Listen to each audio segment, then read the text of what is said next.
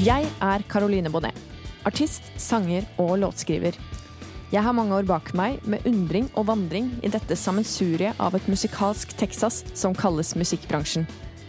Det er mange historier, mange skjulte fakta, og ikke minst mange spennende folk som gjemmer seg bak denne bransjen fylt av eksentrikere, nevrotikere og alle slags snodige outcasts. Jeg bestemte meg en kveld for at jeg ville forvandle denne nysgjerrigheten til å bli min egen podkast. Jeg kommer til å invitere forskjellige gjester fra bransjen, som forhåpentligvis vil fortelle meg noe nytt som muligens verken du eller jeg visste fra før. Hver episode vil kunne belyse kjente og kanskje ikke fullt så kjente sider av nettopp musikkbransjen. Dette er hashtag bransjen.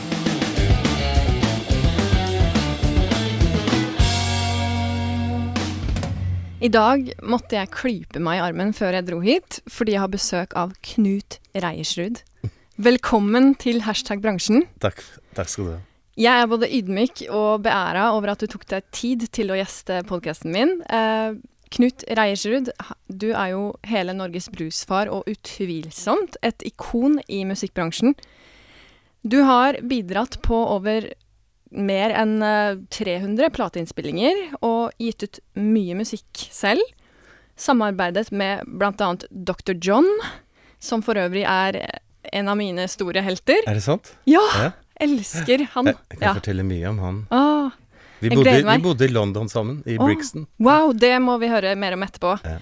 Eh, men du har jo også samarbeidet med Buddy Guy og Otis Rush, og ja, sikkert det som kan krype og gå av eh, norske artister og musikere også. Du har vunnet tre Spellemannspriser, og du har vært nominert elleve ganger. Og lista dem bare fortsetter. Altså, Knut, det er så utrolig koselig at du tok deg tid til å komme hit i dag. Og ja, vi kan jo bare starte med Hva tenker du når du hører hashtag bransjen? Er det noe, får du noen assosiasjoner? Uh, jeg har hørt på programmene dine. Og Ja, jeg tror? Jeg, ja, og jeg tror jeg har skrevet litt også under, og ja. jeg liker det innmari godt. Jeg syns det er veldig fine sendinger, altså. Tusen takk. Du har uh, sånn fin, stringent linje. Jeg Ja. kjenner meg litt igjen, for jeg har jo radioprogram i NRK. OK, har du det? på P2. Hver lørdag så har jeg en time med musikk og, og har en del gjester og sånn der. Ja, så jeg kult. kjenner igjen, og jeg, jeg ja, syns det er eh, veldig underholdende og veldig gøy å høre på Mm. programmet ditt, da. Så hyggelig å høre. Takk. Når det gjelder selve bransjen, så føler jeg kanskje at det, jeg er ikke så dypt inni akkurat eh, sånne bransjetekniske ting, eller jeg har aldri vært så veldig organisasjonsmenneske. Jeg setter veldig Mm. pris på Jeg vet om, og jeg har venner som går inn i organisasjoner, og jeg syns det er folket vi skal ta hatten for. At de, for de bruker mye tid på ting som for meg eh, framstår som ganske sånn kjedelig, rett og slett. Så jeg liker bare Jeg liker å lage låter, jeg liker å Mm. spille piano. Mm. Jeg spiller mest piano faktisk akkurat nå. Jeg syns det det? er så digg å spille piano. Ja. Så jeg gjør det mer, men jeg er jo flinkere på gitar, da.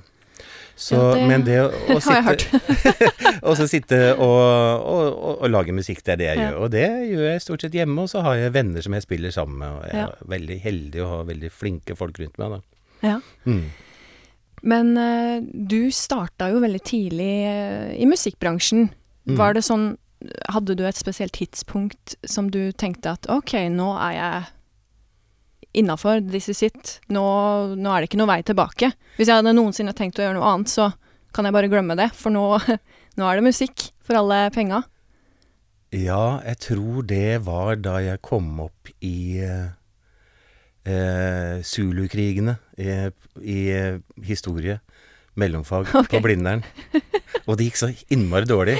For jeg, jeg hadde lest bare vanlig historie, altså europeisk historie, da. Ja, ja. Og amerikansk historie kunne jeg ganske godt, men jeg hadde rett og slett droppa å lese den boka om eh, afrikansk historie. og det er jo veldig dumt, da, for det, jeg har jo vært masse i Afrika seinere, og jeg elsker jo det kontinentet. Så jeg, der var jeg slurvete, rett og slett. Rett og slett.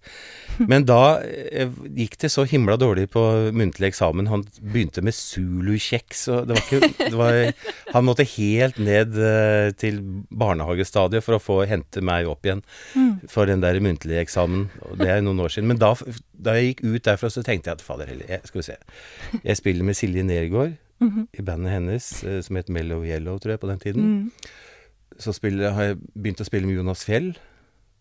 Mm. Og så spiller jeg eh, hver mandag på et sted som heter eh, Sardins i Oslo, som før het Klubbsju. Og så har jeg en sånt, er jeg bandleder for noe som heter Blue Tuesday Band på Smuget på tirsdager. Og så har jeg begynt å, å, å jobbe i studio sammen med saksonisten Bendik Hofseth. eh, og så har jeg blitt spurt om å dra på turné med Jørn Hoel. Fader Hylland, kanskje jeg heller bare skal Kanskje jeg heller bare skal spille istedenfor å holde på med dette akademitingene. Mm. Og sånn ble det.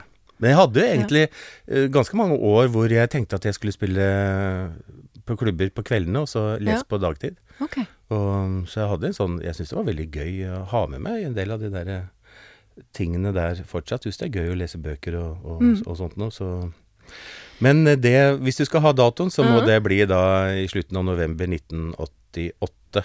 Takk skal du ha. Mm. Og det er det innmari mange som er glad for at eh, du tok det valget der. Både av folk som spiller med deg, og folk som hører musikken din. For du er jo virkelig en uh, fyr som Ja, du gjør mye forskjellig, men du har jo på en måte foten din mest i blues og folkemusikk, hvis jeg har forstått det riktig. Mm. Uh, har du noen sånn spesiell tanke rundt hva som gjorde at du endte opp med de sjangrene der, sånn primært, eller er det, ble det litt sånn tilfeldig? Uh, jeg vet ikke. jeg vokste opp på Manglerud. Mm. Og det første jeg kan huske av musikk Det høres veldig rart ut, men det var eh, en sånn veldig stor stein eh, i skauen på Manglerud. Ja, vi bodde i Plogveien, og det er den veien som går langs med Østensjøvannet. Og så er det en ganske stor skog mellom eh, Plogveien og Østensjøvannet. Mm. Og da var det en diger stein, og jeg likte alltid eh, å sitte oppå den steinen. Så jeg, det var egentlig det jeg gjorde mest, tror jeg, i barndommen, å sitte på den steinen. og så var det jo eh, Østensjøvannet er sånn fuglereservoar, så det er masse fugler der. Ja vel. Så, så jeg drev og imiterte de der fuglelydene, og så var det ugler også, da. Men så var det spesielt en sånn lyd som jeg bet meg merke, og som jeg fant ut på piano fordi moren min Altså, jeg heter jo Knut, Mm. og det er jo en lang U stort sett, og så er det bare noen sånne kort, korte knepp foran og bak. Mm. Eh, så alltid når jeg skulle eh, ble ropt hjem for å spise middag, så var det 'Knut! Knut!' Mm. hørte jeg. Og det hørte, det var, da blandet det seg sammen med disse uglelydene. Og så fant jeg ut at det var en sånn Et intervall, som det heter, som jeg likte veldig godt. Mm. Men jeg hørte at det. Jeg fant, fant ut at det, ingen av de var en tone som, Mm. som var liksom grunntonen i det jeg hørte. Nei. Jeg hørte derimot Den Mm. fant jeg ut på pianoet. Så fant. Så fant jeg den treklangen. Og det syntes jeg var veldig fascinerende at, Ja. at moren min sang oppå, men ikke selve grunntonen. Og så begynte jeg å lage sanger så, sånn på de der ugle- og mammalydene, da. Så det var første det var den første sånn spede begynnelse, og det var rett og slett fordi vi hadde piano, fordi far spilte sånn klassisk piano. Så hadde vi en del andre instrumenter fordi familien min eh, bodde på Cuba rett før jeg ble født. Gjorde De det? De bodde tre år på Cuba, i, i Havanna, da, på slutten av elsker 50-tallet. Ja, du har vært der? for en by. Ja. Ja. Fantastisk. Ja, det er det. Og jeg var så heldig at jeg fikk se Buena Vista Social Club når jeg var der. Oi. Mm. Det var, ja. Digresjon, men ja. Ja, men det er, det, er jo, og det er jo bare å anbefale når mm. eh, pandemien er over, Ja. for, for folk å dra dit. Og jeg tror nok cubanere trenger litt eh, folk nå også. Mm. At det kommer litt. eh, og det, det er en veldig fin by, da. Eh, men det betyr at vi hadde en del eh, perkusjonsinstrumenter. Vi hadde maracas, og vi hadde Mm. to congas og mye sånn. Så vi lagde sånn familieorkester Ja. eh, som, som spilte og underholdt og sånt noe da, for oss sjøl bare. Og kanskje litt grann sånn julaften for eh, bestemor og bestefar og sånn. Fra tidlig alder, da. Ja, det var ganske tidlig. Ja. Mm. Spennende. Du er jo kanskje en av de få som er Oslo-gutt. Som har vokst opp i Oslo. Ja, Altså, det det, er er jo ja, kjempemange, som inkludert meg sjøl, da, som ikke er fra Oslo, Ja. men som ender opp i Kult. Og Hvor er du fra? Ja. Du, er fra Telemark. Ja. Så det er rett og slett uh, Porsgrunn. Ja. Nettopp. Grenland. Grenland. Yes. Mm. Så det er ikke så langt unna, men dog. Det, Ja. Oslo eh, er jo, hva skal jeg si, en sånn smeltedigel for uh, alle mulige folk som uh, gjør forskjellige ting som kanskje ikke har så bredt spekter andre steder i landet, da. Nettopp. Eh, Og så er det sånne veldig fortettede og fine eh, miljøer i f.eks. Grenland. mm, Som, og veldig mange av dere bor jo da i, i Oslo. mm, Det samme har du på Toten, så har du Ja. og, og Fredrikstad. Mm. mm. Men når vi snakker om bransjen, Knut, Ja. så er det jo mange forskjellige bransjer, men nå snakker vi jo om musikkbransjen. Og hva tenker du er det folk misforstår mest med musikkbransjen? Sånn ut ifra det du på en måte har uh, hørt og sett av de som ikke kjenner til den, da. Ja, nei, det er et vanskelig spørsmål. Jeg vet ikke om Mm. vi har noe sånn godt svar på det. Jeg, jeg vet ikke om jeg helt skjønner hva du mener, men eh, jeg kan jo Det fins jo tolkninger, kanskje. Ja. Altså, de fleste Altså, hvis vi skal gå helt grunn... Sånn ned til grunnfjellet, så de Mm. Ja, fleste ja, tror jo ikke at det går an å ha et liv Nei. i musikkbransjen. Det, det er mange som spør hvordan kan du leve av det? Veldig mange spør om Mm, det. Ja. mm, ja. Selv om jeg snart er 60 år, så, så syns de det er veldig snålt. De syns det er rart fortsatt, Ja.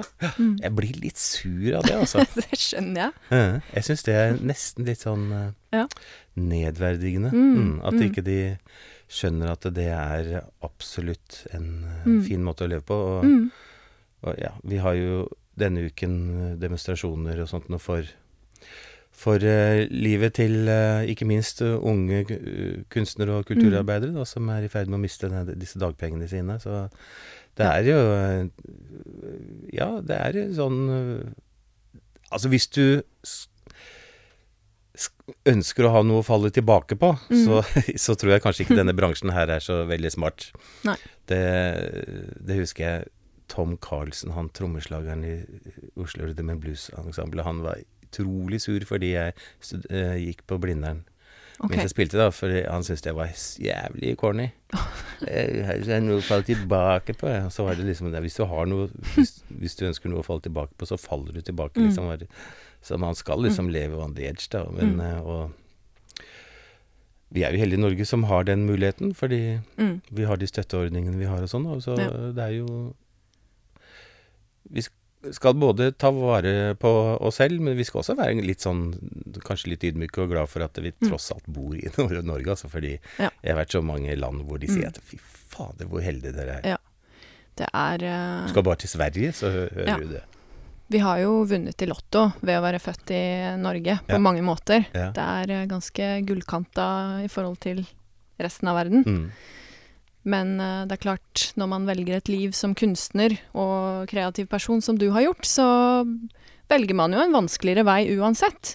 For det er jo en grunn til at folk spør hvordan kan du leve av det? Ja. Og det er jo Mm. mye fordommer og mye tanker av folk som ikke kjenner bransjen, at de kanskje tror at det ikke er noe penger i den, men det er jo faktisk sånn at man skal jo ha betalt hvis man har en spillejobb og spiller et sted. Så det er jo ikke sånn at man gjør det for gøy. Altså, Nei, jeg tror nei, folk har på en måte problemer med å skjønne at gøy kan være Altså, det går an å ha det gøy når man er på jobb. Ja, Det er sant. Mm. Ja, men vi spiller jo gratis. Ja, ja. Men vi tar betalt for uh, å vente, Ja. og for å sitte på Gardermoen, og for å bære flightcaser og bære orgelet til Christian Nei, ja, Christian også, men, og David Valumrød. Ja. Det er det vi tar betalt for. Alt foran og bak. Selve spillingen kan, vi godt, kan jeg godt spille gratis. Ja, ja, ja. ja Sånn for det er veldig mye forarbeid og tidkrevende, da. Sånne kreative prosesser. Og det er jeg litt nysgjerrig på i forhold til hvilke erfaringer du har med det. For eksempel eh, når du har spilt inn et album, hvor lang tid har du brukt på det? Altså, har det vært sånn som du planla, eller ble det annerledes, eller har du noen spesielle opplevelser rundt det? Altså, jeg har jo vært med på hele spekteret. Ja. Altså, så Altså, jeg har fra Den plata vi spilte inn i Katmandu i Nepal Mm. for uh, hva blir det, nå 17 år siden. Eh, I i, studioene i Katmandu, da, det kostet 18 kroner timen, og vi brukte ti timer på å spille en plate, så det kostet 180. Og da kom ambassadøren, norske ambassadøren i Nepal kom og betal, betalte bare for hun, hun syntes det var eh, veldig sjarmerende, da. Så, så fra, fra det så Hurten og Styrten. Hva eh, spilte du inn der? vi, vi spilte med Det var jeg og Hans Fredrik Jacobsen som spilte eh, forskjellige trekkspill, toradder og fløyter og litt sånn forskjellig. Og så spilte jeg gitarer, og så hadde vi eh, et samarbeid med et sånt eh, ensemble som spilte litt sånn klassisk nepalsk, indisk musikk, da. Kult. Sarangi og Ja. tablas og sånt noe. Wow. Men så lagde vi litt sånn Gikk litt sånn mot uh, sånn Beatles-harmonier og lagde litt sånn sjalala-låter som Ah. en i eh, Eller kan si Shangri-La-låter, da. I, som gikk eh, litt i den eh, Ja, sånn koselig musikk å, å, Ja. å høre på. Hva heter den utgivelsen? Himalaya Blues heter den. Den skal jeg sjekke ut, i hvert Ja, fall. den fins Mhm. på Den fins jo sikkert der et eller annet sted. Den ble Mm. gitt ut på Grappa, husker jeg. Ja. For noen år siden. Mm. Det er jo ikke noe hemmelighet at jeg er veldig stor fan av deg, Knut. Og jeg har hørt mye på albumet ditt 'Soul of a Man'. Ja, den tok Åh, jo lengre Den tid. syns jeg er veldig fin. Du liker den, ja? Ja, Eh, jeg det. Digger den. Ja. Ja. For den er jo da heller mot den andre retningen, for på 90-tallet så var det jo mye penger i Vi solgte jo mange plater. Ja. Jeg tenkte, altså vi Bare den tanken på at vi håpte at vi skulle selge 25 000 for å få gullplate, liksom, det er jo helt utrolig. Ja. Folk skjønner jo ikke at det Det er jo helt mulig. sånn uh, utopisk nå, ja. Ja. mm. Mm. Så Soul of a Man, den, eh, den, den, den var jo ganske sånn gjennomprodusert. Jeg brukte jo en del sampling og sånt også på den plata, så, Mm. så det var liksom mer Mm. det, mer, det var liksom motsatsen til Nepal-plata, da. Den Ja. aller verste sånn eh, eh, samplingaktig, det var den jeg lagde sammen med Erik Hillestad som heter eh, Nå husker jeg ikke hva den heter engang, ja, men det var i hvert fall eh, 100-årsjubileet til Nobels fredspris. Ok. Eh, hvor vi var rundt Vi var i Brasil og tok opp eh, sambamusikere som var komp, og vi dro rundt i hele verden liksom for å forene verden sånn som man holder på når man er romantiker, da. Mm. Så det var et sånn kjempeprosjekt. Både den, også den som heter 'Lullabies from the Axis of Evil', Ja. med sånne kvinner som synger eh, vågesanger Mm. i sånne land som liksom er fiender av vest, Vesten, da. Mm. De, eh, de to platene var det Det brukte vi lang tid på. Altså, altså Ja. mer enn et år, da, på å lage en plate. Ja, da Mm. begynner det jo å drøye litt på, selvfølgelig, men da er det kanskje ikke helt på en måte, Alt er vel ikke skrevet i stein heller. Ikke det hele Nei, tatt. nei. Så da blir det litt til mens man går. Mm. Uh, men hvordan føltes det å på en måte skulle tjene penger til livets opphold, samtidig som man da skulle fokusere på det kunstneriske i å skape et album, på en måte? Hvordan Det kommer vel helt an på, hva skal jeg si, hvordan situasjonen var med støtteordninger, og hvis man var heldig på sånne ting, da. Mm. Mm. Ja. ja, du spør meg? Ja, jeg spør Ja, deg. ja, nei, jeg var Bare for å ta det helt sånn praktisk Jeg var superheldig eh, for eh, 30 år siden. Mm. For jeg begynte da å spille sammen med Iver Kleive, kirkeorganist. Mm. Og det vi gjorde, det satte seg sånn Det ble en sånn uh, suksess, rett og slett. Mm. Og det ble jo eh, Det gjorde at jeg kunne eh, ha så mye uh, frihet i tid, fordi Mm. eh, det for oss to å komme sammen og, og spille i eh, og dra på turné og sånt, men det var jo veldig lite administrasjon. Så, d- så Og det var eh, rett og slett en sånn enorm eh, stolpe å, å kunne lene seg til, da. Og det gjorde at jeg fikk veldig mye frigjort tid til å kunne gjøre alt mulig annet. Så, Mm. så, så jeg har aldri vært i noe sånn derre problemer med at eh, Mm. hva, har jeg, hva kan jeg få til Mm. med små midler? Jeg har vært superheldig, rett og slett. Så deilig, og Mm. vel fortjent selvfølgelig, for du har jo vært i bransjen så lenge du har, hva skal jeg si, kunnet Ja, jeg, stå på scenen. Ja, Ja. jeg tror nok jeg kanskje jeg er en av de siste sånn ordentlig autodidakte musikerne, da, altså som ikke har noen musikkutdannelse. Mm. Det var jo veldig vanlig før, altså på 60- og 70-tallet så var det jo hobbyen som man tok med seg videre inn Mm. i voksenlivet, og så, så fikk det bris- briste eller bære. Mm. Men, øh, men øh, nå er, har jeg inntrykk av at veldig mange Nå er det jo liksom litt sånn profesjonalisert, da. Folk er jo superflinke Mm. inn med en gang å gå- på hø musikkhøyskoler på, i Trondheim og, Mm. og i Kristiansand og rundt omkring. Og, så det er jo skikkelig sånn nivåheving. Mm. Eh, så men, eh, men også da Da er du jo mer en del av en, hva skal vi si, en utdanningsprosess, og det blir noe litt Mm. annet Mm. enn den rufse-tufse innfallsvinklingen min. Det er fint. Uh, jeg, som jeg nevnte i introen, så Eller i min presentasjon av deg, uh, så har du jo jobba med ganske store navn uh, i USA. Og jeg har hørt fra sikre kilder at du burde fortelle om historien da du ødela gitaren til Buddy Guy. Ja, det er ikke det som skjedde. Eh, Nei, hva skjedde da?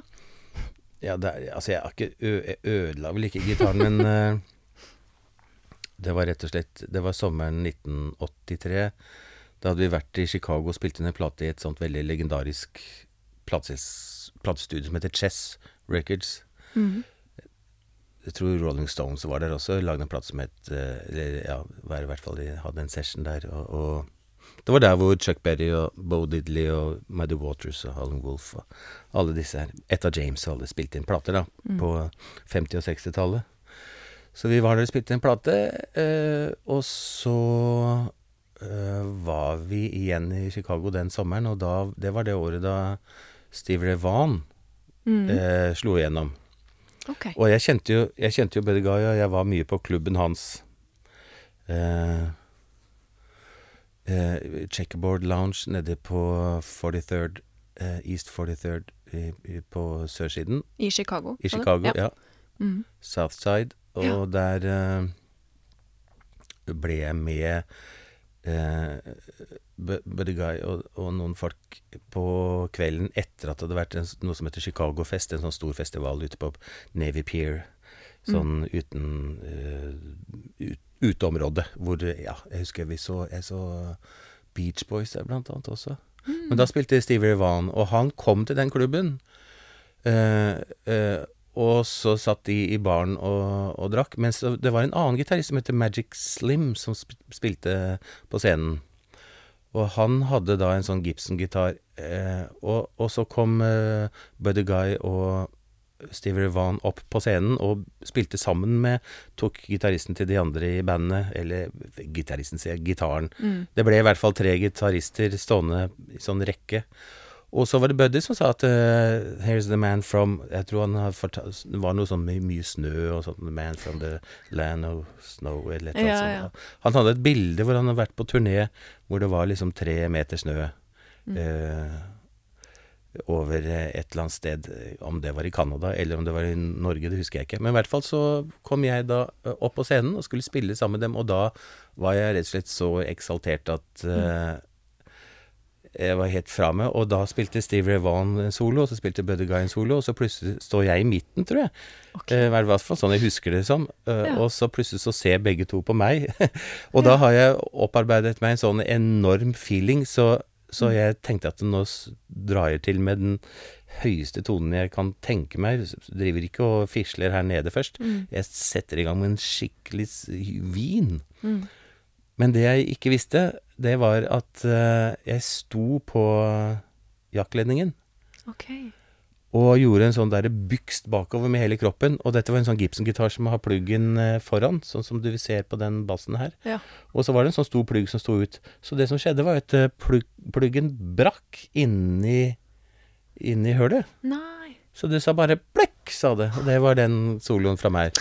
Oh. Så- så, og ble, og han Magic Slim var jo så jo Han var jo veldig betutta, da, for jeg hadde jo ødelagt gitaren. Den kunne ikke brukes, i hvert fall den kvelden. Måtte jo få tak i en ny sånn der eh, plugg. Oh lord. Eh, så, så det var superflaut. Men jeg tror det kom en gitar eh, tilbake. Dette var jo før Det hadde vært morsomt å ha hatt bilde av det, men det var jo før man hadde tok bilder og sånn. Men Ja.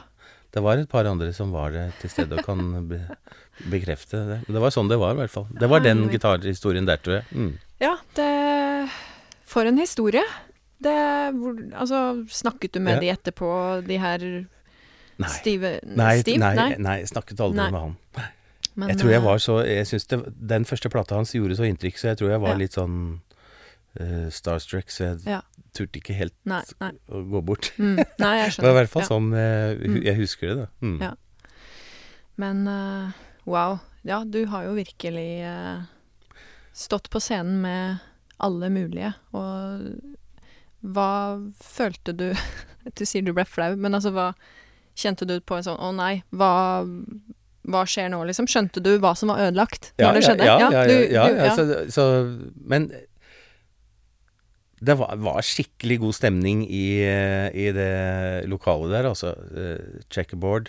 Mm, Og dette var jo i, i den svarte gettoen, da, så men, men det som var tilfellet, er jo at de er innmari stolte mm, av musikken sin. mm, Eller var, da. Nå er det jo ikke noe igjen av dette. Uh, dette er jo Mm. 40 år siden. Mm. uh, eh, så, så det var ingen som eh, Det ble ikke noe trøbbel. De bare skyndte seg for å finne en Mm. gitar til, da. Sånn at vi kunne fortsette, liksom. Det, det var Så du eh, fortsatte det, Ja, på scenen? tror, ja, ja, tror jeg fortsatte på scenen etterpå og fikk spilt litt da, sammen med de folka der. Mm. Mm. Mm. Jeg har jo noen eh, sikre kilder, Knut. enda en sikker kilde, som har gitt meg to stikkord. Mm. Det er Dr. John og fryseboks. Å ja. ja. Så Ja. da Du nevnte jo det når vi starta samtalen her, at du har en del historier eh, med Dr. John, eller i forhold til at du har hilst på han, eller jobbet med han, eller Mm. Ja, Jeg var på turné med han i, London, eller i England i 1984. Du var på turné med han? Ja, så det var året etter denne Chicago-opplevelsen, da. Ok, du Nå begynner jeg å bli litt sånn starstruck. Sånn. Mm. Ja. Ja. Mm. Um, Du var på turné med Dr. John, ja. Ok. Ja. Var det fint? det, var, det var veldig fint. Det var um, Altså, første gang jeg spilte med han, det var på Klubb 7. For okay. da reiste han rundt uh, og brukte sånne pickup-bands rundt omkring, og var i Europa. Eh, Det var vel i 82 Nei, det var 83. Mm. Eh, og så året etter så ble jeg spurt av en engelsk pianist som jeg kjenner, som heter Diz Watson. Han hadde et band som het Diz and the Doormen, og de var ganske svære. Eh, på den tida der hadde en sånn hit på Ace Records. Eh, jeg husker ikke hva den plata het. Blue Coat Man het den. Blue Coat Man. Mm. Eh, og da ble jeg spurt om å komme til England og turnere med, med det bandet og Dr. John. Så det gjorde jeg. Eh, jeg var, vi var på Reading-festivalen, husker jeg, en gang, Mm. og spilte. Det var, eh, da spilte vi etter eh, Hvem var det som var før også? Det var rett og slett uh, Weather Report Ok. som spilte før oss. Så det var svære greier, altså. Ja. Og så tror jeg vi gjorde en innspilling i det som heter Roundhouse i, i London. Eh, en sånn liveplate. Den har jeg aldri funnet. Men jeg, vi var eh, Så da var jeg rett og slett i London eh, i som, eh, juni 1984. Og da bodde vi eh, Jeg vet ikke hvorfor det var sånn, men vi bodde da hjemme hos bassisten i bandet, husker jeg. I Brixton. Mm. Og de hadde akkurat fått barn. Så det fløy sånne sykepleiere ut og inn. Og det var masse sånn sosial, for det var lurt på, lurte på om det, barna hadde noe godt av det der miljøet som vi satt i. Oh, ja. Eh, og Dr. John, det er ikke til å stikke under en stol at han var jo på, heftig på heroin, da. Han hadde jo Mm. råd til å være halve året eh, som heroinist og Mm. halve året på rehab, så han la seg inn eh, på vinterstid, stort sett hvert okay. år. Ja. Uh, og Mm. ble rensa opp. Mm. Så det var rare kvelder, altså. mm. hvor han holdt på med det der. Hvordan type menneske var uh, dr. John, da? Han var mytisk. Mm. Han var eh, nesten så abstrakt som man kan bli, tror jeg. Hm. Som man kan bli når man uh, forteller om ting. Mm. Det var Alt var liksom i bilder, og nei, det var innmari snålt. Og så snakket han jo sakte med veldig grøvlete stemme, liksom. Men det var Mm. skikkelig gøy, og det var Mm. lærerikt Mm. å spille med eh, med dette med timing og Ja. Vi hadde også en helt sinnssykt kul trommeslager som het Kieran O'Connor, Mm. som døde en liten stund etterpå. Han var også litt på kjøretøy. Mm. Kanskje den beste trommeslageren jeg har spilt med noen gang. Mm. Og det bandet der var ordentlig bra, altså, da vi var på den turneen med Dr. John i, i England. Men hvordan kom det til? Altså, hvordan ble du kjent med dr. John? Hvordan oppsto den vel kontakten der? Jeg er ikke helt sikker på, men det var vel sannsynligvis fordi, som jeg sa, som jeg sa Diz Watson, han pianisten, han hadde jeg truffet før, og han kjente jeg. Han hadde vært hjemme hos oss, Ja. og mor hadde lagd middag da han var, eh, kom til Norge for å spille og sånt, noe, så var liksom Så han Mm. Da var jo jeg liten, da var jeg sånn 15-16 år, tenker jeg. Så han kom, og han kom og spilte på Eikeli gymnas, husker jeg. Piano i sånn derre Hva kan det hete? Eh, er det noe som heter Midttimen eller noe sånt, noe, hvor alle har fri og man kan finne på et Mm. eller annet spesielt. Så husker jeg så han lagde konserter på skolen, og vi var skikkelig gode venner, da. Mm. Så det var vel han som visste at jeg hadde spilt med Dr. John i eh, Oslo, og da Mm. var det naturlig for han å spørre om, om eh, jeg ville være med på den turneen, siden de skulle reise på festivalene i, i England da, sommeren Mm. 1984. Utrolig kult. Ja, det var kult. Mm. Hva tenker du er største forskjellen på musikkbransjen i Norge og i USA? Hva, Ja, det, sånn, ja, er hva er de største forskjellene, tror du, mm, for artister å gi ut musikk, og er det lettere å være artist i Norge, eller er det, Det er klart det er mye lettere. Det, det må jo være mye lettere. Det må jo være skikkelig vanskelig der borte. Ja, ja. Jeg så et fantastisk eh, fan av han eh, Kjenner du til han Kid Anderson? Kristoffer Andersen, som eh, har et studio i San Jose og driver dette her Mm. Greaseland-prosjektet sitt, og, og gjør det altså tilsynelatende bra, men det må jo være hele tiden med ryggen mot veggen, sånn, for det er jo Mm. ingen som støtter dette her i det hele tatt. Alt er jo Mm. fra hånd til munn. Ja. Men han eh, får, lander det ene prosjektet etter det andre, altså. Mm. Men nei, fy søren. eh, jeg tror ikke jeg vil snakke noe om USA eh, i det hele tatt, for det er så trøblete som det kan få blitt, og det blir jo bare verre og verre. Ja, i disse dager så er det jo ekstra Hva skal jeg si Spesielt med den eh, presidentdiskusjonen som pågår, og ja. Ja. Det blir eh, spennende å se hvordan dette her ender. Ja, og det, vi hører jo at den ene klubben etter den andre blir lagt ned, så Mm. det er jo det som, det som er Altså, på samme måte som man kanskje snakker om middelklasse, så i Mm. Norge har vi en stor sånn middelklasse innenfor musikk og innenfor kunstting. Da. Altså folk som ikke er superstjerner, Mm. men heller ikke spiller gatemusikere, liksom, men som er sånn klarer å lage et decent liv av eh, Mm. å være en slags sånn Ja. Mm. Ha, øh, ha råd til et vanlig liv og familie og sånt noe. Ja. Gjennom å drive med musikk. Mm. Det tror jeg er så å si umulig i USA nå. Mm. Ja, det er jo 'from rags to riches', som Mm. det sies. Ja. Ja. Det er virkelig uh, harde kår der borte. Men uh, for en musikk, og for en musikkhistorie som uh, ble skapt der, og som på en måte så å si hele verden har fulgt videre, da, Det er kan du sant, si. det. Ja. Mm. Har du vært mye i sørstaten, eller? Eh, ikke så veldig mye. Jeg har vært Nei. en del i New Orleans. Ja. Jeg har vært i Texas et par ganger, Mm. eh, men eh, ikke så veldig mye. Men Nei. når du sier hele verden, altså jeg har Mm. vært på en del turneer i, i India, og der, de elsker blues i India. Gjør de det? Ja, så det er jo De har bluesfestivaler og, og, Jeg husker første gang jeg kom dit og spilte med en fiolinist som heter Dr. Oel Sobramani. Han sa jo med en gang at Oh, I love blues. For jeg bare satt meg ned og spilte litt slide, liksom. Mm. Da vi skulle øve inn til en sånn turné. Vi skulle spille eh, Vi skulle spille eh, for Hva var det for noe? 60 000 mennesker i Hyderabad Wow. nyttårskonsert. Hm. Eh, fra Farvel Den het Farvel Farewell to 1998, het den. Så, så, så var det nyttårsaften som ble 1999, da. Ja. Det var svære greier. India, så det er eh, fascinerende land. Det er jo nesten, det er så stort at det nesten kan sies å være et kontinent, vet du. Det er jo så voldsomt Ja, og det er så store mengder mennesker og forskjellige kulturer og alt. Ja, ja, og Mm. det er så inderlig. Mm. Og de musikerne der, altså det er jo kombinasjonen av den største innlevelsen sånn sånn Mm.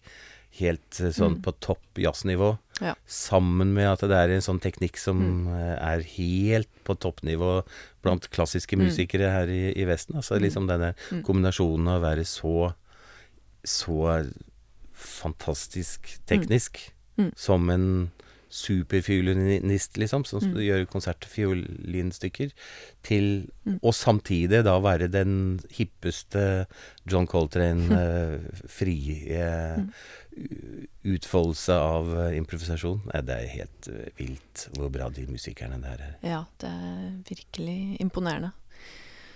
Men når du ser tilbake på din reise i musikkbransjen og livet ditt i Mm. musikken, hva er det du tenker har forandra seg mest? Fra når du på en måte starta å jobbe som musiker og produsent og alt det du, forskjellige du gjør, til nå, da? Hva tenker du er største forskjellen? Eh, det er jo to piler som går hver sin vei. Mm. Eh, den positive pilen er jo at det er mange flere, og mange flere flinke folk nå enn det var da jeg startet. Da var vi ikke så Mm. mange, det var ikke så mange bander, egentlig. Nei. Det dukket opp noe som kalt for Musikkforum, husker jeg, som Uh, og så var det rockeklubbene, og så hadde du en sånn gryne på slutten av 70-tallet, så begynte det med en sånn litt sånn new wave-bevegelse i Norge. Mm. Uh, og så fikk du Kjøtt, og du fikk uh, Raga Rockers, og du fikk liksom den norske rocken. Ja. Uh, og så hadde du jazzklubbene. Som bluesband så hadde vi den lille fordelen at vi kunne jo både spille på rockeklubber og jazzklubber. Så, Mm. så, men sånn bluesklubber og sånt det fantes jo ikke på den tiden. Men Og så var vi ikke så mange som spilte, og vi Ja. Og det var ikke så mange steder å spille. Så det var, et, Mm. det var ganske stille, rett og slett, i forhold til hva det er nå. Nå er det et enormt lurveleven. Så det, så det er jo en sånn pil som går oppover. Altså Ja. hvor mye mer intenst det er nå, og hvor Mm. mye mer som blir produsert. Mm. Det som går nedover, er jo da platebransjen, selvfølgelig. Fordi Mm. på den tiden så var jo det Det var jo det Man kunne rett og slett leve av å spille inn plater. Ja. Og, og turnere i i Mm. etterkant av en plateutgivelse. Nå er, jo, nå er jo det helt borte. Er jo Det å spille en plate er vel mer bare en slags visittkort og noe som forteller at du fortsatt er her og og, ja, og Mm. kanskje forteller at du fortsatt er relevant, da. Det er også mitt inntrykk at det blir som et slags visittkort. Ja. For pengene man tjener på det, er jo veldig begrensa, hvis Mm. ikke man har et stort navn og selger mye. Ja. Mm. Men eh, jeg har jo hatt tidligere gjester og snakket om spillejobber og erfaringer rundt uh, det å f.eks. oppleve en veldig sånn feilbooking og sånne ting. Har du noe spesielt minne eller opplevelse på sånn verste spillejobben eller en eller annen sånn bransjehistorie som du aldri glemmer, da, i forhold til noe som gikk galt, eller noe som på en måte var veldig overraskende, eller Ja, sannelig min hatt. Eh, det spørsmålet kommer litt bardus på, det må det da være. eh, det må det da helt sikkert være. Ja, altså hvor det alt går helt eh, ad undas, For rett og slett. Mm. Kan jeg ikke tenke litt på det, så, det, og så ser vi om jeg, Mm. om jeg finner på noe? Ja. Prøver jeg Mm. å sette av en liten del Ja. av hjernen til, eh, til det arbeidet der. Ja, bra. eh, når du står på scenen, Knut, eh, er det sånn at du Ser du noe liksom forskjell i publikummet eh, nå kontra før? For nå så er det jo Mitt inntrykk er i hvert fall at veldig mange står med mobiltelefoner og skal absolutt filme for enhver pris, Mm. og på en måte ikke sånn sett har den nærheten til de på scenen på samme måte. Opplever du mye av det? Ja, litt. Grann, men Ja. du, men eh, nå er jeg litt eldre enn deg, da, så jeg tror kanskje jeg spiller for litt eldre folk som fortsatt Jeg husker vi spilte med i bandet mitt, og så hadde vi med Olaf Olsen på trommer fra Mm. Big Bang. Og så, han syntes det var så veldig rart å spille for folk som satt. Han hadde aldri tenkt på det. Mm. At de- de sitter mens vi spiller, og så reiser de seg opp etterpå og klapper. Synes det det var helt motsatt av sånn som han Sånn som, sånn som han eh, har, har Mm. opplevd det å være på en scene, da. Mm. Synes det var, det var morsom og komisk ting å, Mm. å si. Og, så Mm. jeg skjønner det. Men altså så det publikummet jeg har Ja, Litt grann filming er det, men ikke så i, i himla mye. Jeg husker da mobiltelefonen kom, da var det Da ringte jo alle radiostasjoner, og Aftenposten husker jeg skrev en sånn artikkel, fordi det var jo sånne lyder hele tiden i Frogner kirke når Iver og jeg spilte eh, konsertene våre der, husker jeg. Så, så Ja. det, det husker jeg var sånn eh, Det tok veldig tid før det ble etablert, kanskje? Ja, sånn å skru av mobilen. Ja. Mm. Jeg vet ikke om det gikk an å skru av de mobilene på den tida. Altså, du kunne vel skru den helt av, men sånn der flight mode var Mm. kanskje ikke oppfunnet. Nei. Men jeg husker jeg syntes det var veldig gøy å da spille på de der Altså, jeg hadde en sånn sport i å Hvis det kom en sånn mobillyd, så tok jeg den inn i La oss si hvis vi spilte en salme, da, så tok jeg med den mobil... eh, Inn i salmetonen, liksom. Fantastisk. Eh, Det er jo fortsatt eh, et issue på mange konserter, det da, at det er alltid én som har glemt å skru av lyden. Ja. Det er inntrykket mitt at det på en måte stort sett er én person, og så blir den veldig flau, og så neste konsert så er det en annen. Så Ja. er det, mm. Ja. Men det er vel den teknologien som dessverre kanskje har fått fått litt overtaket på den uh, tilstedeværelsen vår innimellom. Det er helt sikkert. Mm. Jeg har en venn som uh, um, Han er fra Iran, uh, Javid Afsarirad. Han skrev en sånn hovedsaksoppgave på musikkvitenskap om Grieg, var det vel. Og så hadde han fått tak i en avisartikkel, en anmeldelse av Beethovens niende symfoni fra 1854 eller noe sånt noe, i Aftenposten. Da var det orkesteret her i Kristiania som hadde spilt Beethoven. Og den artikkelen handlet da om at eh, han journalisten, anmelderen, han var helt ifra seg over at han At jeg skulle få lov til å høre denne musikken en gang til. For han hadde hørt den da i Hamburg eller noe sånt noe, eh, tolv år tidligere. Ja. Da hadde han hørt den i Tyskland, hadde han vært i Tyskland, og så kom, så kom han hjem. Og da tenkte jeg da var den musikken, det var det han fikk høre av den. Men så fikk han anledning til å høre den en gang til. Mm. Det setter et lite perspektiv, det der med at vi hele tiden skal filme alt. Alt skal tas vare på, eh, det der museale. Og Mm. det gjelder i og for seg plater også, det. Mm. Altså, det er en ganske liten parentes i musikkhistorien, det at man skal ha spille inn og Mm. kan reprodusere og bare høre igjen og igjen noe som har skjedd én gang. Det kan du si. Ja. Og, det, og det du nevnte med den eh, opplevelsen med, med eh, Buddy Guy på scenen, så sier du at ja, jeg tror ikke det ble tatt noen bilder den kvelden. Altså, sånt skjer jo ikke i dag, at ingen dokumenterer det som skjer, på en måte. Altså, Sånn, ja. Mm. Så det Jeg tror man kanskje var flinkere til å ta vare på bildene i hodet Mm. før. Mm. At det Ja. er en sånn egenskap Ja. som viskes litt ut, dessverre. Helt klart. Mm. Du, jeg kommer ikke på noe sånn eh, det, Altså, jeg har jo spilt rare steder. Jeg har sittet med skuddsikker vest og hjelm og spilt eh, Det tror jeg Jeff Wasserman snakket om også for en måned Ja, siden. den I, Libanon I Libanon. ja, i Libanon Du var der med så, han, ja. ja. Mm. Og, og spilte på et tak hvor en hadde blitt skutt kvelden før, så det var veldig Så vi måtte være forsiktige og sånt. noe.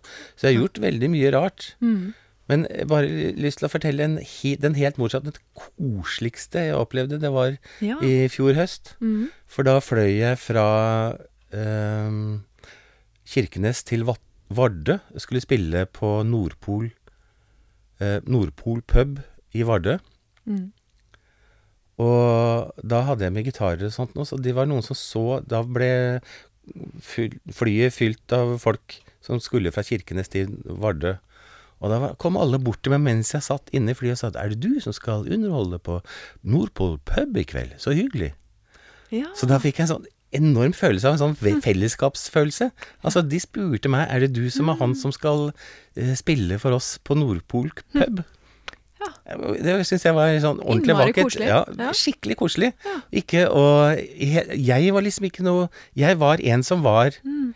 En del av noe mye større, syns jeg. Jeg, jeg fikk en sånn der følelse av at jeg kom litt ut av meg selv, og slapp å være sånn at, at det skulle være min konsert. Mm. Det skulle liksom være vår konsert.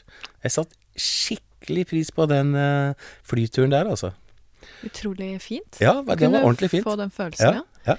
Nordlendinger generelt syns jeg er veldig flinke på å være litt mer sånn inkluderende og kanskje litt mer jovial og hyggelig enn det vi søringer kan være, da. Mm. Det er vel kanskje en grunn til at de har det ryktet. Ja. Mm. ja. Men var det en fin jobb også, eller? Veldig fin jobb. Ja. ja. Det var uh, vellykka, og folk følte at de var En del av konserten. superfin Mm. jobb, og jeg spiller Prøver å dra hver sommer opp til, eh, til eh, Vesterålen og Lofoten og spille. mm. Og du vet, når du spiller alene, så kan du jo spille på rorbur, og du kan spille Mm. i et sånt i et fiskemottak. og for en 50-60 stykker. Ja. Og det er jo de beste jobbene du har, vet du. Mm, mm, Når Ja. sitter på sånne sildekasser, og, og det er garn på veggen, og, mm. og det lukter slo. og saltvann. Å, fy fader. Altså, Mm. da Da koser du mm, deg. Da koser jeg meg skikkelig. Så bra. Da tenker jeg at det, dette er jo Mm, mye mm. bedre enn å spille store eh, haller rundt omkring i hele verden og stresse rundt fra flyplass til flyplass. Mm. Jeg elsker de der, eh, de der mm. turene. Mm. Jeg var også oppe og så kombinere det med fiske, da. Så Mm. jeg var oppe i Mo i Rana nå for to uker siden. Mm. Så da, eh, hvis de vil ha meg opp nordover, så ja, kan jeg komme litt før, og så, og så tar jeg fiske litt. Så har jeg med fisk hjem. Så fint. Mm. Men uh, vi snakker, nevnte jo litt på det med å være i sitt ess, for da tipper jeg kanskje at det er svaret på spørsmålet mitt uh, nå. For når føler du på en måte at du er i ditt rette element? Da er det, det er når du sitter på scenen og er i musikken, og folk hører lydhørt på? Er det på en måte da du tenker at det er uh, deg i ditt ess? Ja, det, det er helt tilfeldig, egentlig, eh, Mm. når den konsentrasjonen kommer.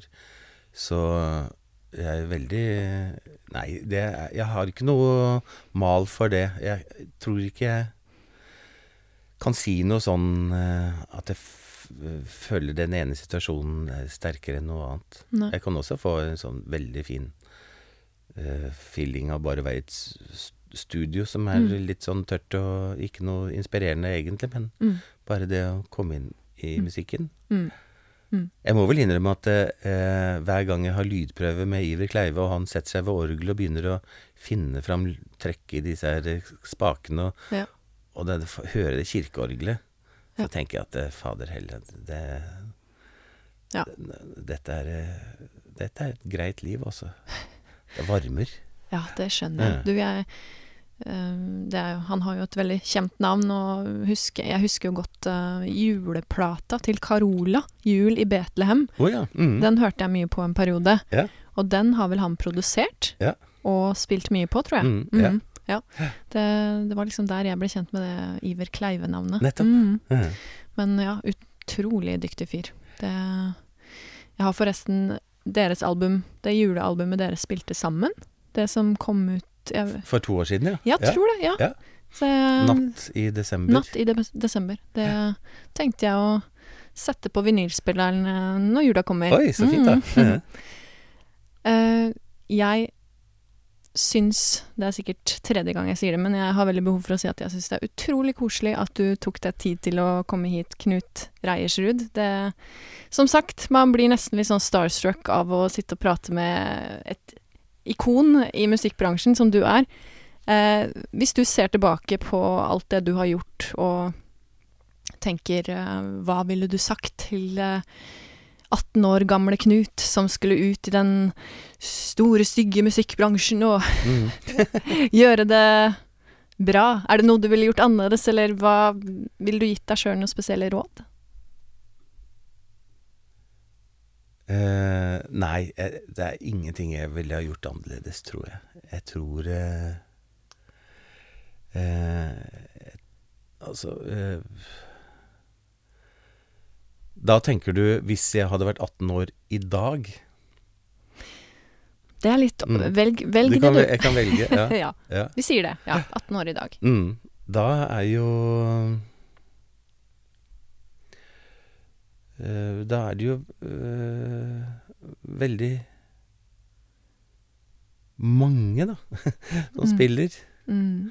Da er det jo kanskje enda viktigere å, å finne sin egen stemme, da. Finne en egen Mm. sånn identitet. Ja. At man hører at det er eh, At det er deg. Det, få fram det personlige. Få fram eh, ja, din personlighet i musikken. Ja. Det tror jeg kanskje er eh, noe som blir forskjellen på de som kan lage et liv av det, og de som kanskje bare holder på en stund, og så, og så må gjøre noe annet, da. Mm. Bra svar. Jeg syns det var veldig kloke ord. Å finne personligheten i musikken. Mm. Ja. Det Mm. Apropos Kloke ord. Mm. verkstedkonserten var jo Ja. rett og slett eh, Det var jo eh, nyttårsaften eh, 1989 Nei, 1998-1999 i Mm. Hyderabad i India, når jeg tenker meg om. Ok, Du- du fortell det? om det. Ja, Ja, for, ja, for den Altså, det var jo helt uten kontroll. Fullstendig. Vi Den med 60 000 mennesker. 60 000 Ja. mennesker. Uh, vi hadde med Erik Rød på, som lydmann, og han eh, er biodynamisk og eh, er uredd når det gjelder mat. Mm. Og det er kanskje litt dumt i India.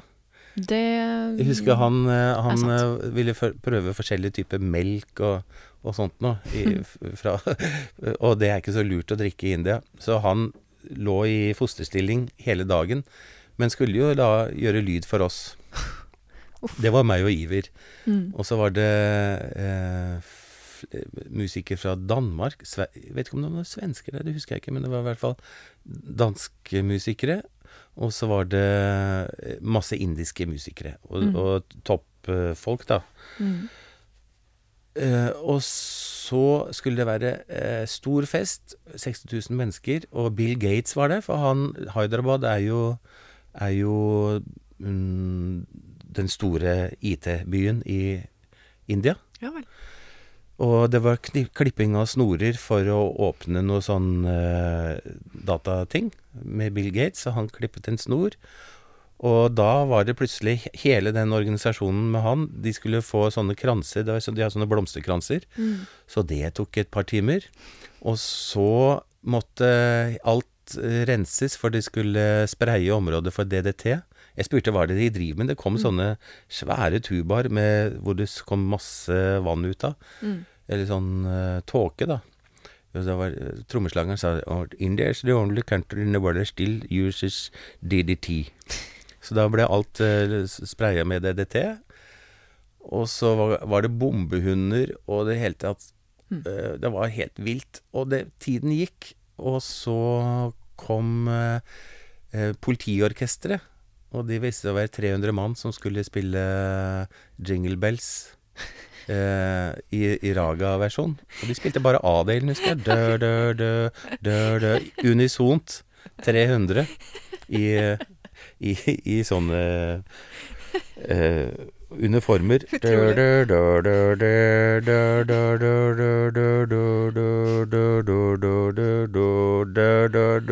Det var alt de spilte. Og det er kjempelenge, så vi begynte å le. Og da ble politimesteren skikkelig forbanna, tok mikrofonen og skjelte ut meg og Iver for alle sammen og sa We are bringing up dead bodies from this lake every day. Og, og, og for Ja, det var så rart. Og det var skikkelig rart. Og enden på visa var jo at klokka var jo to på natta, og da var det Folk var i svimeslåtte. Og da fikk vi lov til å Da fikk vi beskjed om å spille en sang på tre minutter. Da hadde vi venta hele dagen. Det var det som eh, ble satt av til oss, for alt ble utsatt og utsatt. Og det var hele tiden sånne blomsteroverrekkelser. Det var en helt usannsynlig konsert. Ja, det hørtes eh, fascinerende ut. Ja. Men tilbake til den fryseboksen. Jeg er litt spent på det. Ok. Ja, Dr. John, eh, ja. eh, han vi, vi ble ordentlig gode venner, og han Mm. ville skrive Han hadde et låtskriversamarbeid med Doc Pomus, som jo skrev låter på 60-tallet, skrev for Elvis og sånt noe. Doc Pomus og Dr. John. Mm. Og da mm, Dr. John kom Mac kom eh, sommeren, eller var det høsten, 85 til Oslo. Da hadde han med datteren sin, og så hadde han med eh, masse låter. Så ba han meg om å ta med en kassettspiller, og så dro vi på hotellrommet. Og så satt han Han spiller jo gitar også. På de der eh, englandsjobbene så spilte han ganske mye gitar, faktisk. Okay. I og med at Diss også var pianist. Så noen ganger var det to pianoer, og så noen ganger spilte Diss eh, B3-orgel, og så spilte Dr. John piano, da. Men eh, Og så var det ofte at det var både jeg og Max som spilte gitar. Men i hvert fall eh, øh, Han hadde tolv låter som han hadde skrevet for meg. Blant annet en som heter eh, 'Blinded by Love', som jeg gjør ganske mye på konserter, og som jeg spilte inn ved et par anledninger på et par plater. Og masse låter. Eh, Tolv låter. Mm. Dette fikk jeg da Dette spilte vi inn på kassett, og så fikk jeg eh, noe papir med bruksanvisning og, og tekster og sånt noe. Og det tok jeg med meg hjem, og da bodde jeg i Asker, og, og var fornøyd med det. Og øvde litt og sånt noe, men så plutselig så var alt borte. Og så fant jeg det ikke igjen, så jeg fikk jo aldri spilt noe av dette her. Men så flyttet jeg fra Asker Mm. til Oslo, og da skulle jeg ha med en sånn fryseboks Mm. som sto nede i en sånn potetkjeller som vi tok opp, og så så jeg nedi fryseboksen, og i bånn, der hadde jeg lagt alt sammen. Der lå, der lå kassetten og noten og, og ar tekstarkene og alt sammen. Så det var så, ja, Fantastisk. godt tatt vare på. Var det en av de gangene man tror at man legger det et lurt sted? Eller? Det må var jo det bare vært det. Det må jo ha vært det, ja. en sånn ekstrem variant av Ja. det, liksom? Ja. Du Eller så var det en sinna kjæreste, kanskje, som eh, la den Å ja. Mm. Ja, ikke sant. Én av to. Mm. Tusen takk igjen for at du tok deg tid til å komme hit, eh, Knut Reiersrud. Kjempekoselig. Og ja. Jeg skal uh, gå hjem og høre på Soul of a Man igjen, jeg. for det Jeg skal høre på dine podkaster Takk skal du ha. ok, takk for at du hører på Hashtag bransjen.